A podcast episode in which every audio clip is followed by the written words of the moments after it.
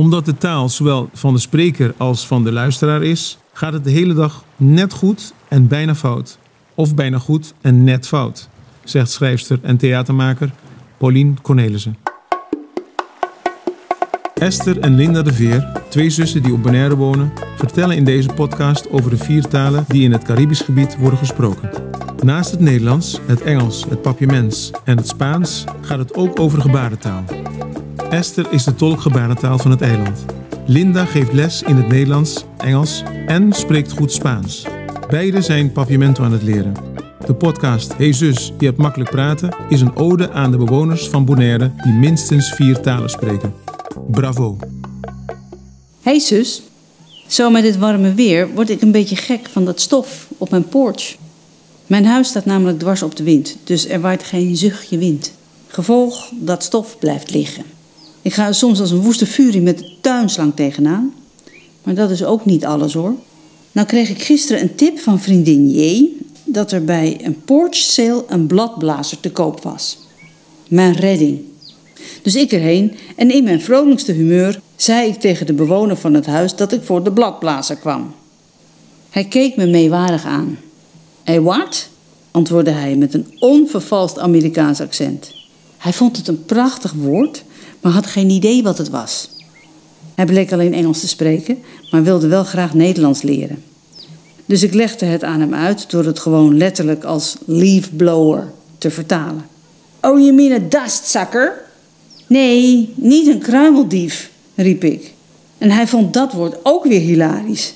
En we moesten alle twee heel hard om lachen, omdat we van die gekke woorden riepen tegen elkaar. Ieder in zijn eigen taal. Vanmiddag vroeg ik aan mijn lieve juf Papiamento wat bladblazer was in het papiament.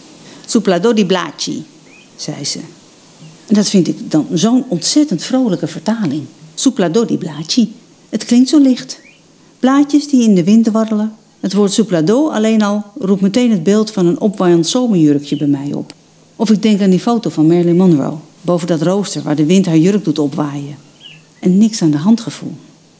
In tegenstelling tot bladblazer. Zo met die dubbele L. Dat wordt opeens een heel zwaar woord. De Amerikaan had de bladblazer al verkocht.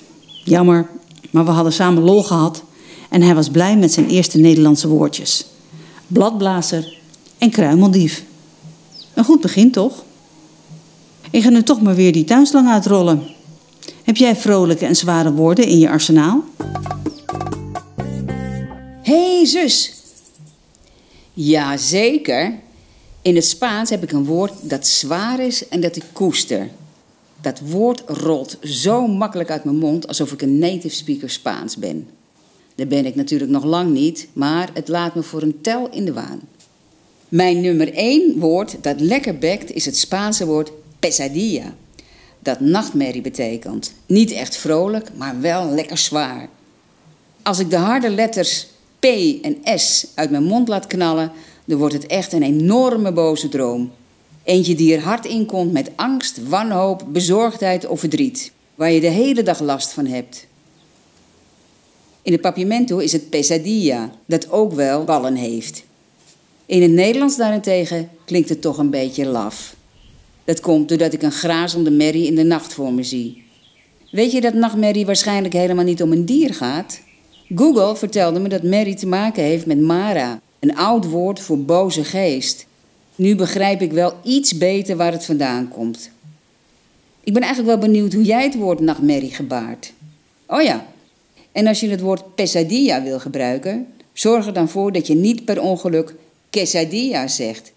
Of je moet honger hebben, dan komt het goed uit. Dat is een wrap, meestal met kaas.